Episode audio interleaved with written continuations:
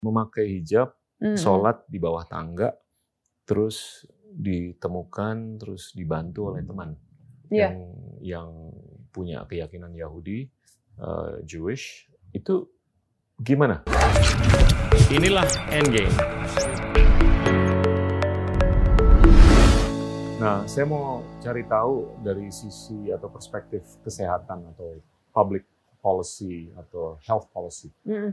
Ini saya sering kali ngobrol mengenai produktivitas Benar. yang agak-agak rendah dibandingkan negara-negara tetangga kan. Gimana sih untuk kita bisa meningkatkan uh, produktivitas atau marginal productivity kita dari sisi apa ya public health policy?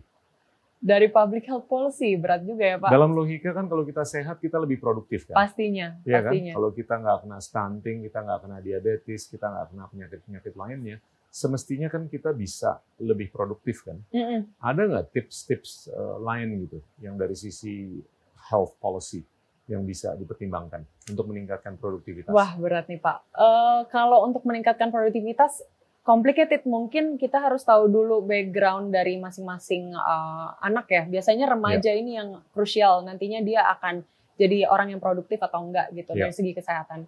Banyak kalau dari kesehatan banget nih Pak. Biasanya eh, orang Indonesia itu wanita-wanita remaja wanitanya itu banyaknya anemia dan itu secara langsung sebenarnya mempengaruhi produktivitas. Iya. Dan uh, dari sekarang tuh kita mulai beberapa NGO masuk untuk kasih tablet tambahan uh, uh, ferrous, jadi uh, besi ya, zat besi. Dan Iya. itu yang mulai masuk, tapi sayangnya belum jadi uh, langsung project dari pemerintah gitu, Hmm. masih sifatnya dari NGO-NGO aja. Jadi mungkin itu yang bisa dilihat bahwa kayak remaja ini banyak yang ternyata malnutrisi gitu, dan itu yang harus dibenerin dulu untuk dari segi produktivitas. Terus yang kedua, em, kalau di Indonesia sepertinya sih nggak terlalu ada masalah kayak air atau apa gitu ya Pak. Aku jadi cerita dikit soal di Tanzania. Nggak apa-apa. Iya. Di Dodoma City. Di Dodoma, iya betul Bapak Ah. tahu. Di Dodoma dulu aku tuh eh, kebetulan tentang masalah produktivitas remaja juga. Di sana itu banyak yang absen sekolah, terus akhirnya jadi drop out, ketinggalan. Iya. Itu lebih karena masalah air. Terus mereka nggak ada makanan yang beneran disediain di sekolah Hmm. dan sekitarnya. Jadi harus travel tuh dua jam ke rumah, terus balik lagi ke sekolah.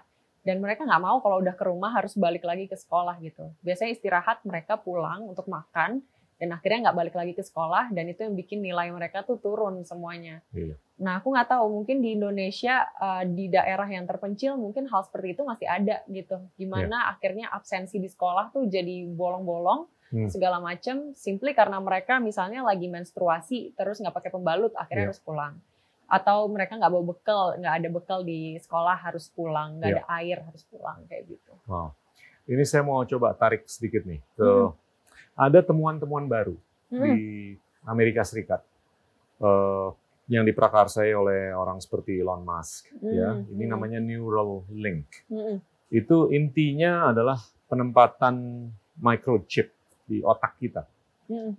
Kalau saya lihat tubuh kita itu kan intinya satu elektrifikasi, satu lagi kan adalah reaksi kimia kan. Betul. Reaksi kimia itu kan yang membuahkan sifat kita. Iya.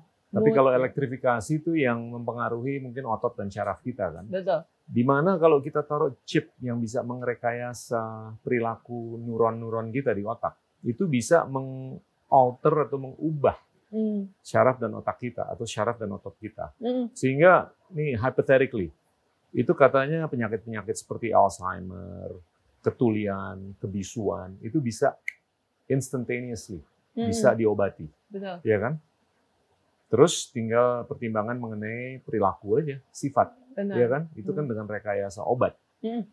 Nah, pandangannya Nadira gimana tuh mengenai temuan-temuan untuk bisa merekayasa syaraf dan otot supaya kita bisa menyembuhkan penyakit-penyakit yang cukup kronis Mm-mm. selama ini dan sangat apa ya mengorbankan banyak lah. Iya. Hmm. Duh, kalau sama Pak Gita berat banget ya topiknya. sorry, sorry, sorry. Saya Kita juga kita mau ngobrol mengenai main flute juga boleh nih. ya Pak. Saya tadi eh, belum belum banyak baca tentang Neuralink yang Bapak Oke. bilang. Tapi kalau untuk hal tersebut eh, sebenarnya possible untuk ada di masa yang akan datang ya Pak dan memang lagi di develop juga. Iya. Untuk kayak gitu pastinya kalau selalu eh, relatednya ke otak itu selalu masalahnya untuk ethical issues nantinya Siap. Pak. Karena eh, mungkin itu uh, visionnya akan kayak gitu untuk Iya. membantu orang yang memang terkait uh, saraf ya untuk sembuh kayak Alzheimer, mungkin Iya. Parkinson. Iya. Tapi pasti ada oknum yang nantinya akan memanfaatkan itu Hmm. untuk hal yang lain gitu. Dan Iya. jadinya kan kayak kita mengontrol manusia ya. Ngeri. Playing God, Playing God, iya bener. kan? Dengan nerve-nya dikontrol, muscle dikontrol, apalagi yang bisa digerakin manusia kan itu Iya. semua yang menggerakkan manusia kan. Jadi mungkin akan eh, banyak problemnya itu di ethical issues dan akhirnya jadi menghambat untuk proses Iya. eh, peluncurannya sih atau deploy-nya. Bahkan penggunaan obat-obat tertentu juga itu kan agak-agak berlawanan kan Benar. moralitas atau nilai etis kan. Betul, betul Iya Pak.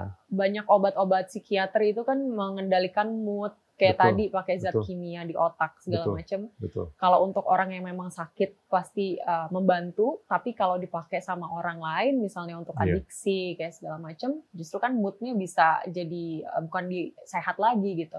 Iya.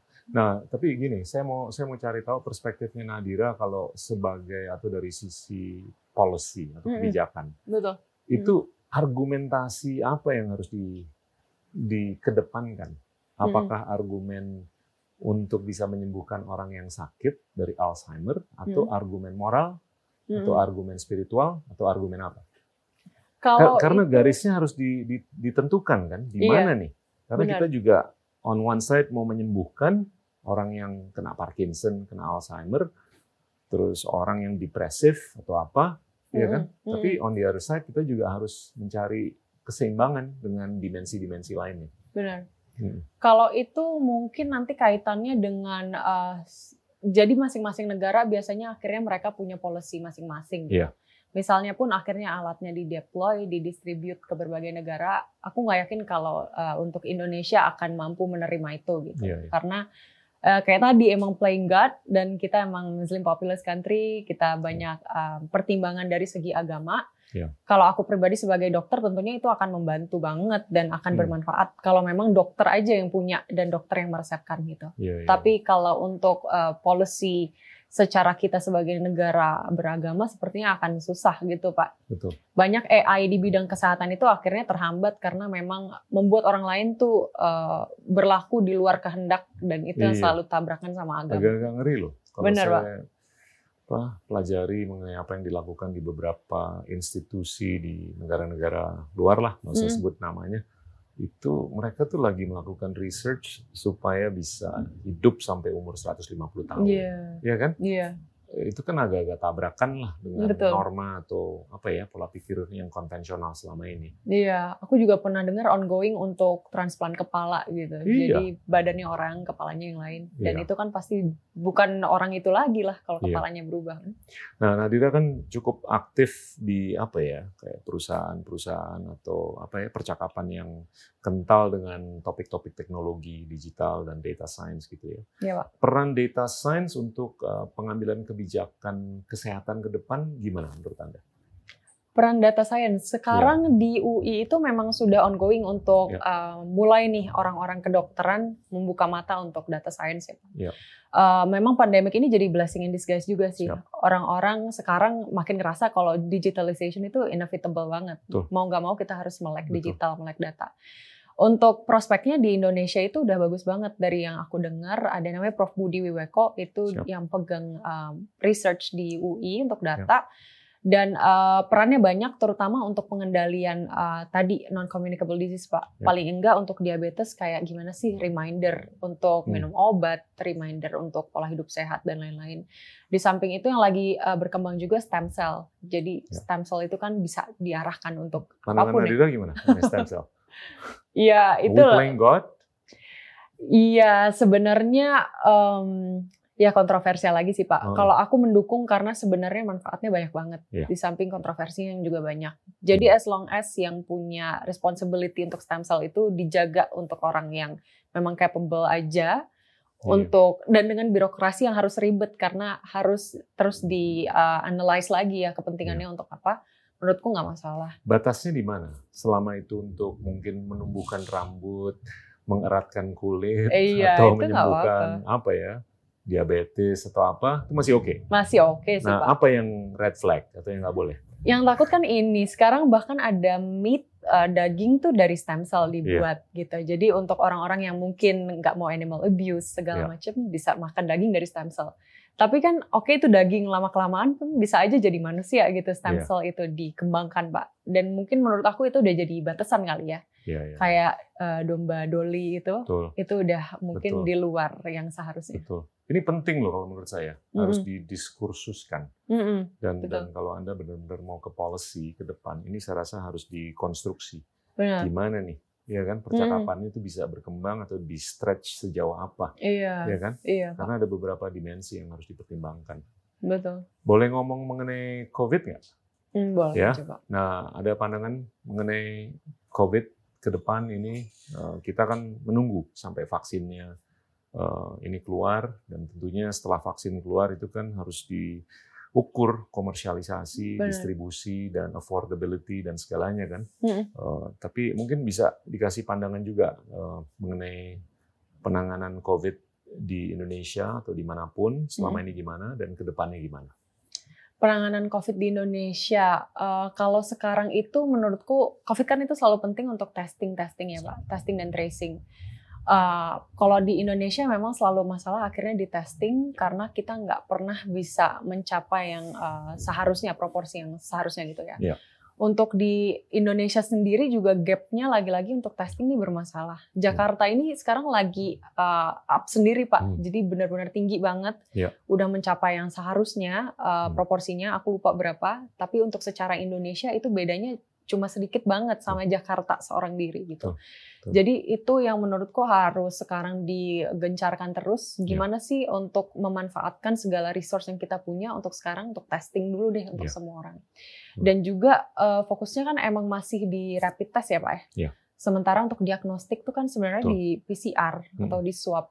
Jadi mungkin itu yang masyarakat juga harus tahu kalau sebenarnya uh, kita rapid negatif atau non reaktif Ya. itu bukan berarti kita aman dong Ya. Uh, dan bukan berarti kita harus ada false confidence jalan-jalan keluar ke Ya. mall padahal sebenarnya Indonesia tuh new normal bukan karena kita udah selesai covid tapi karena ekonominya udah runtuh dan mau nggak mau Ya. harus buka lagi sektor ekonomi Ya. gitu Eh, testing sih masih kurang kalau menurut saya. masih Ya kan, banget masih di bawah 10 ribu per 1 juta. iya Kalau negara-negara berkembang lainnya tuh udah ada yang mencapai 20 ribu. Mm-mm. Yang idealnya kan mungkin di antara 10 sampai 20 ribu kan. Mm-mm, Tapi kayak Singapura atau Amerika Serikat tuh udah jauh lebih itu. Itu Betul. mungkin ah, ya ada plusnya ada minusnya juga. Iya. Plusnya mungkin lebih transparan, minusnya karena terlalu transparan kelihatan lah. Ya kan isi Iya. klosetnya kan. benar Nah itu, eh, nah ke depannya gimana tapi Indonesia Mm-mm. eh, untuk kepentingan penanganan eh, COVID ini?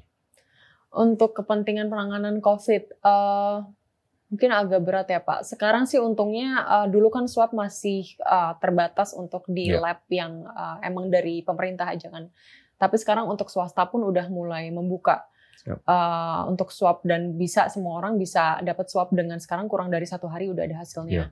Mungkin kalau dari pemerintah untuk terus-terusan mengandalkan pemerintah menyelesaikan ini seorang diri kayaknya akan susah dan Betul. mungkin Betul. usahanya akan stagnan Ada gini aja keterbatasan Pak. anggaran juga. Mm-mm. Ya. Yang eh, mungkin harus ada peran dari masyarakat sekarang gimana eh, caranya untuk kalau mereka selama mereka mampu itu harus regular testing sebenarnya Ya. untuk rapid testing untuk atau untuk swab kalau misalnya idealnya. Ya. Dan juga eh, aku juga kurang setuju sih sebenarnya dengan pembukaan misalnya nanti gym mau dibuka atau bioskop atau eh, restoran pun dibuka sebenarnya belum pantas untuk dibuka sekarang gitu. Karena protokol yang diterapkan beda-beda banget gitu, Ya. Pak. Secara striknya gitu ya. Eh, mungkin orang-orang juga harus selalu mengupdate eh, wawasan mereka tentang COVID itu sendiri. Lebih banyak hoaxnya dibanding eh, berita benernya dan Terlalu itu banyak benar. informasi yang agak-agak itu Ya agak-agak asimetris. yang benar-benar nggak masuk akal tapi kok Oh. orang percaya gitu aku juga Iya. bingung jadi mungkin paling penting untuk update wawasan dulu dan akhirnya uh, semoga perilaku bisa mengikuti gitu Iya. Saya kalau ngobrol sama teman-teman pengusaha, mereka bilang ini resiko ekonomi. Saya kalau Hmm. ngomong sama teman-teman dokter, ini resiko medis. Iya. Saya kalau ngomong sama orang-orang di tech, ini resiko informasi. Iya kan? Iya. Karena banyaknya asimetri informasi. Hmm. Tapi saya cenderung agak percaya ke resiko eh, informasi. Eh, itu kalau menurut saya yang paling struktural. Hmm. Karena ya seperti yang saya bilang sebelumnya, saya nggak tahu apakah orang di sebelah saya Iya, itu udah tertular apa enggak. benar. Ya kan? Itu kan gimana cara memitigasi informasi seperti itu.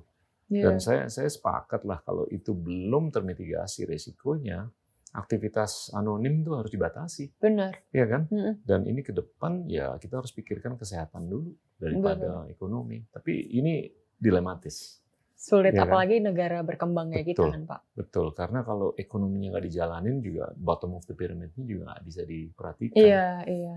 Iya. Nah, balik lagi ke Anda sebagai policy uh, wonk. itu gimana tuh cara nyari keseimbangan antara kepentingan ekonomi sama kepentingan medis? Kalau nyari keseimbangannya eh, memang sulit. Atau nggak perlu dicari keseimbangan, kepentingan medis harus diutamakan. Menurut aku nggak bisa sih berpikiran untuk satu doang gitu. Iya. Karena aku di sektor medis terus cuma medis yang aku pikirin gitu kan. Iya, iya. Karena sebenarnya kalau misalnya kita bener nih lockdown segala macem, eh, mungkin untuk kayak aku atau Pak Gita bisa survive dengan resource yang kita punya, tapi untuk orang yang buruh harian kerjanya dapat kasihan. dari pendapatan eh, sehari-hari itu akan susah. Dan akhirnya justru muncul penyakit yang dari kemiskinan gitu emerge-nya. Iya, betul. Entah kelaparan segala macam. Jadi memang harus dicari keseimbangannya walaupun susah. Kalau eh, di beberapa negara itu mereka menerapkan kayak conditional cash transfer. Jadi memang harus ada eh, bantuan tunai yang dikasih ke eh, warga-warga terutama yang income-nya harian tadi Iya. untuk eh, paling nggak kalian bisa stay di rumah untuk misalnya enam bulan Iya. atau empat bulan. Jadi diberi bantuan untuk mereka biar nggak keluar dulu deh kayak gitu. Iya. Cuma eh, balik lagi ke kemampuan negara memang sih Pak, apakah Hmm. mampu untuk kayak gitu? Karena menurutku untuk yang middle upper itu eh, mereka bisa banget untuk lockdown dan Hmm. nggak perlu keluar sampai eh, beberapa waktu yang akan datang. Gitu. Oke, Nadira, saya mau keluar eh, dikit dari apa ya topik kesehatan. Iya Pak. Mau ajak Anda balik ke masa kuliah Oke boleh. di universitas yang Anda bilang keren itu. Bapak juga. pengalaman Anda memakai hijab, Mm-mm. sholat di bawah tangga, terus ditemukan, terus dibantu oleh teman Iya. yang yang punya keyakinan Yahudi, eh, Jewish, itu gimana? Bisa diceritain nggak? Itu Oke. sangat mengharukan kalau Iya, saya Pak. dengerin pidato Anda. Iya. Ya. Jadi Terus aku dikasih tahu masjidnya di mana Bener. dan segalanya. Hah, Jadi sebenarnya aku dari awal pengen berangkat ke US itu agak beratnya di masalah Islamofobia emang Siap. Pak. Jadi memang aku banyak baca banyak racism, banyak orang eh, mungkin orang Islam ditimpuk dan segala macam di Hmm. US. Dan aku juga pakai jilbab, jadi sebenarnya tanpa aku bilang juga orang tahu aku Muslim gitu Ya. Jadi agak takutnya di situ. Jadi pas awal memang agak struggle untuk bisa adapt sama lingkungan. Hmm. Walaupun pas awal aku ke US sebenarnya Pak di Ya. orientasi di Harvard itu mereka udah langsung uh, ngasih stiker Hmm. tulisannya either kayak I'm gay, I'm bi, I'm lesbian. Beneran No udah kidding. Wow. iya harus Oke. udah dibilang Udah begitu di awal. sekarang ya? Iya Pak, termasuk dengan kayak uh, benderanya dari negara mana. Oke. Jadi uh, mau sebenarnya mereka pengen embrace kayak diversity gitu dan Hmm. nggak masalah mau kayak apa pun dan Sangat kebetulan menghormati diversity. Iya, Hmm. dan kebetulan isu gender sexual orientation lagi uh, Siap. boom banget di sana, jadi itu Hmm. yang mereka lakukan gitu. Cuma untuk masalah agama aku masih belum tahu apakah mereka sebenarnya menerima aku nggak sih kayak sebagai muslim di sana Hmm. Jadi yang aku lakuin emang aku sering sholat di tangga darurat dan itu sebenarnya hal yang biasa aja sih. Aku sering juga kalau pergi ke luar negeri karena susahnya di musola atau apa di tangga darurat aja gitu. Ya. Nah eh, suatu waktu emang aku dari library eh, di Conway ada di Harvard Hmm. Medical School pak. Terus aku ke eh, tangga darurat. Terus pas aku udah mau mulai sholat, tiba-tiba ada yang buka pintu. Dan itu ternyata tadi teman aku itu, aku nggak kenal dia waktu itu namanya Yosef kebetulan. Terus uh, dia itu pakai topi. Yosef apa Joseph? Em, aku panggil dia Yosef. Oh. Yosef, oke, oke. Uh, dia pakai school cap ya namanya kayak topi pipih gitu yang Ya. dijepit. Aku awalnya nggak tahu itu apa, tapi aku kira itu peci gitu. Hmm. Dan dia akhirnya uh, kayak intinya ngapain kamu sholat di sini? Hmm. Dianterin aja. Terus akhirnya diantar ke praying roomnya Harvard. Siap. Dan dari situ aku tahu ternyata oh ada praying room yang proper banget di Harvard. Bahkan ada wudhu room juga. Jadi memang ada Hmm. mukena, ada sajadah. Jadi emang uh, mereka sangat menghargai banget ternyata untuk Muslim juga di sana. Hmm. Terus later um, aku sholat, terus dia tetap di dalam uh, praying room itu, yang Hmm. sebenarnya bukan buat Muslim doang, buat Hmm. semuanya juga. Terus ternyata dia baca Torah gitu. Luar biasa. Aku googling "Hmm, Torah apa ya? Oh Hmm. ternyata itu buat Jewish, Iya. jadi Hmm. buat orang Yahudi. Hmm. Nah di situ jadi mereka. Iya, dan aku justru jadi semakin apa ya kayak hati nyaman aja gitu kali ya Hmm. Pak, karena oh ternyata eh, bahkan yang selama ini selalu digambarkan jadi enemy Iya. atau mungkin berseteru, tapi Hmm. ternyata itu nggak ada di eh, Amerika atau at Iya. least di Harvard itu Hmm. sendiri. Jadi semenjak itu aku jadi semakin eh, nyaman dan nggak takut lagi sama aku Iya. yang berjilbab kayak gitu. Toleransinya luar biasa. Luar biasa banget. Ya ujung-ujungnya sama lah, Abrahamik kan Betul semuanya. Pak. Iya kan. Tapi eh, apakah itu cermin dari pengalaman Anda di Harvard secara keseluruhan atau secara umum?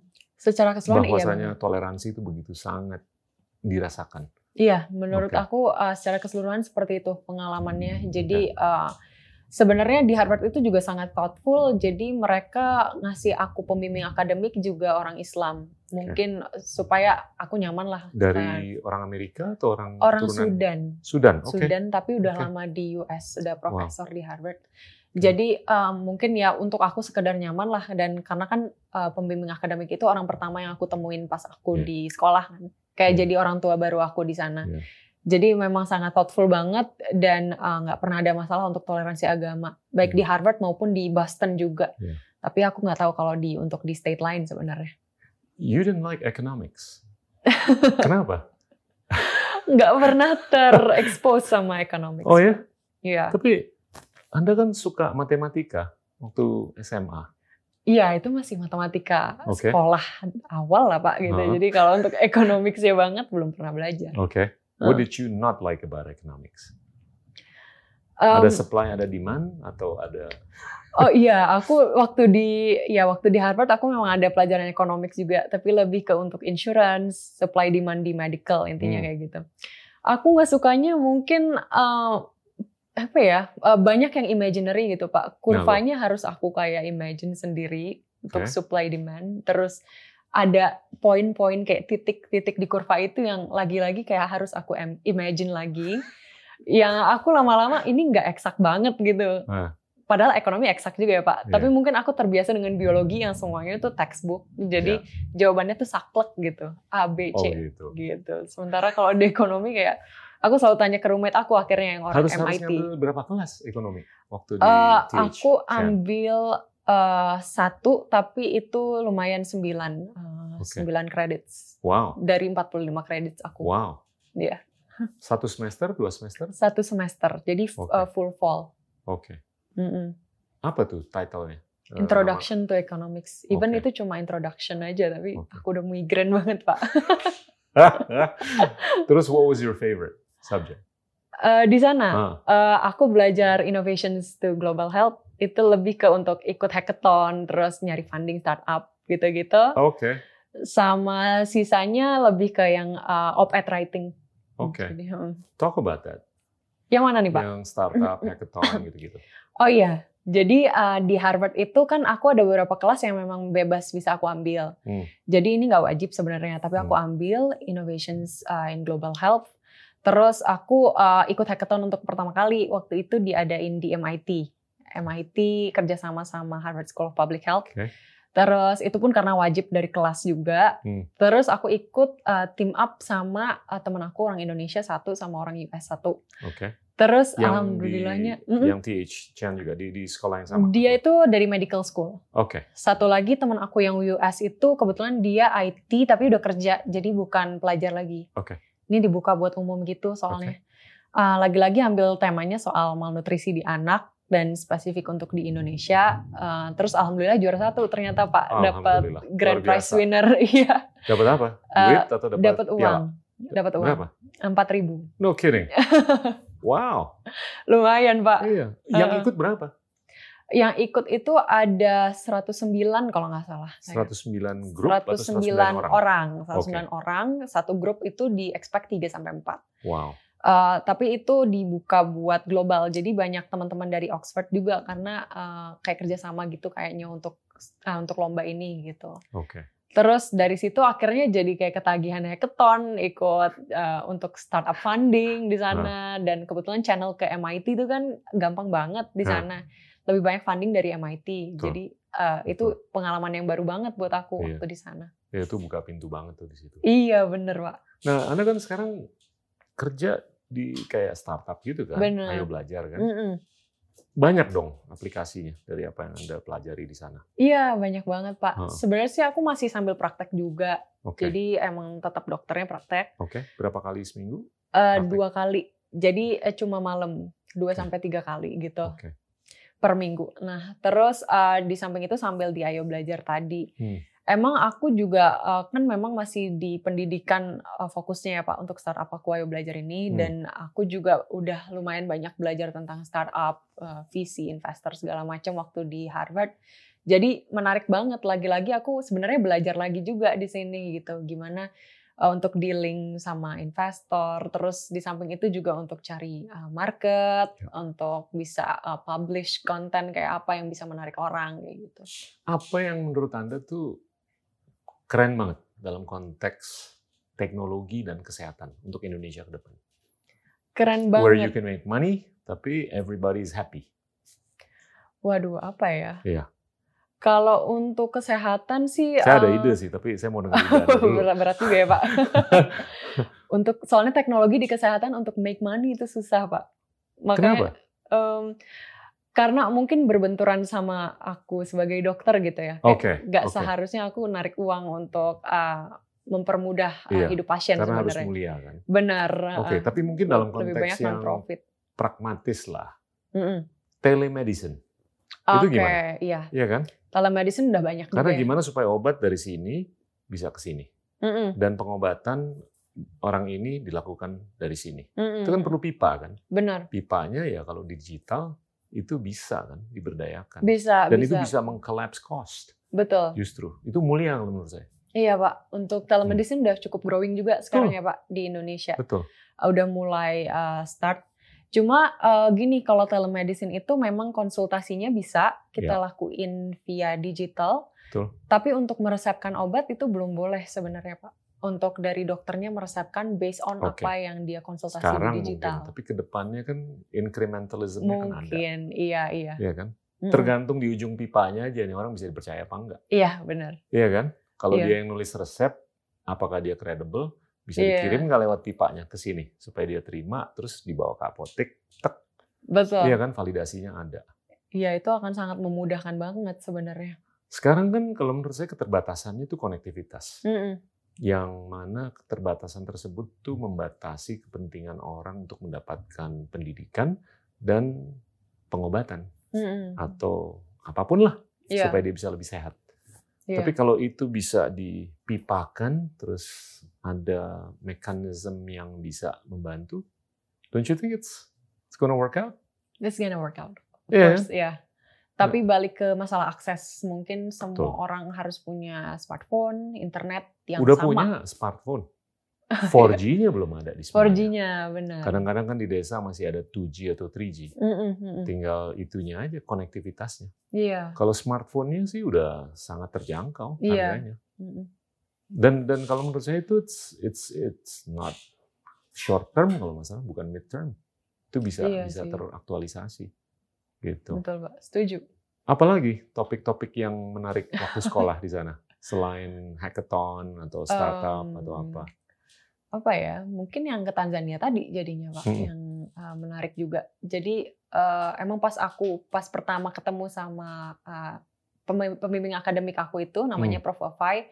Jadi aku cerita gimana sih aku sebenarnya passionate banget sama stunting gitu. Aku tertariknya di gizi dan di anak dan aku Iya. lagi cari project yang ke arah sana.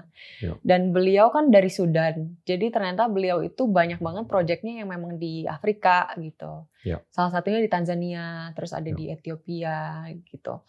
Terus uh, dari situ beliau akhirnya mengarahkan ya udah ikut aja seleksinya, uh, kirim essay dan segala macem. Akhirnya aku alhamdulillah keterima dan itu memang fully funded dari Harvard. Jadi uh, sangat-sangat enak banget gitu. Aku ke sana itu uh, sekitar 16 hari. Uh, projectnya gimana sih untuk mengatasi masalah malnutrisi tapi di anak remaja. Dan aku belajar lagi hal baru karena oh beda banget profilnya sama Indonesia Iya. gitu. Mereka uh, untuk air aja masih susah. Hmm. Terus mereka lebih fokus ke gardening. Jadi semua anak uh, di keluarganya tuh pasti punya farm sendiri dan Hmm. akhirnya mereka gardening tuh udah jadi skill wajib banget. Iya.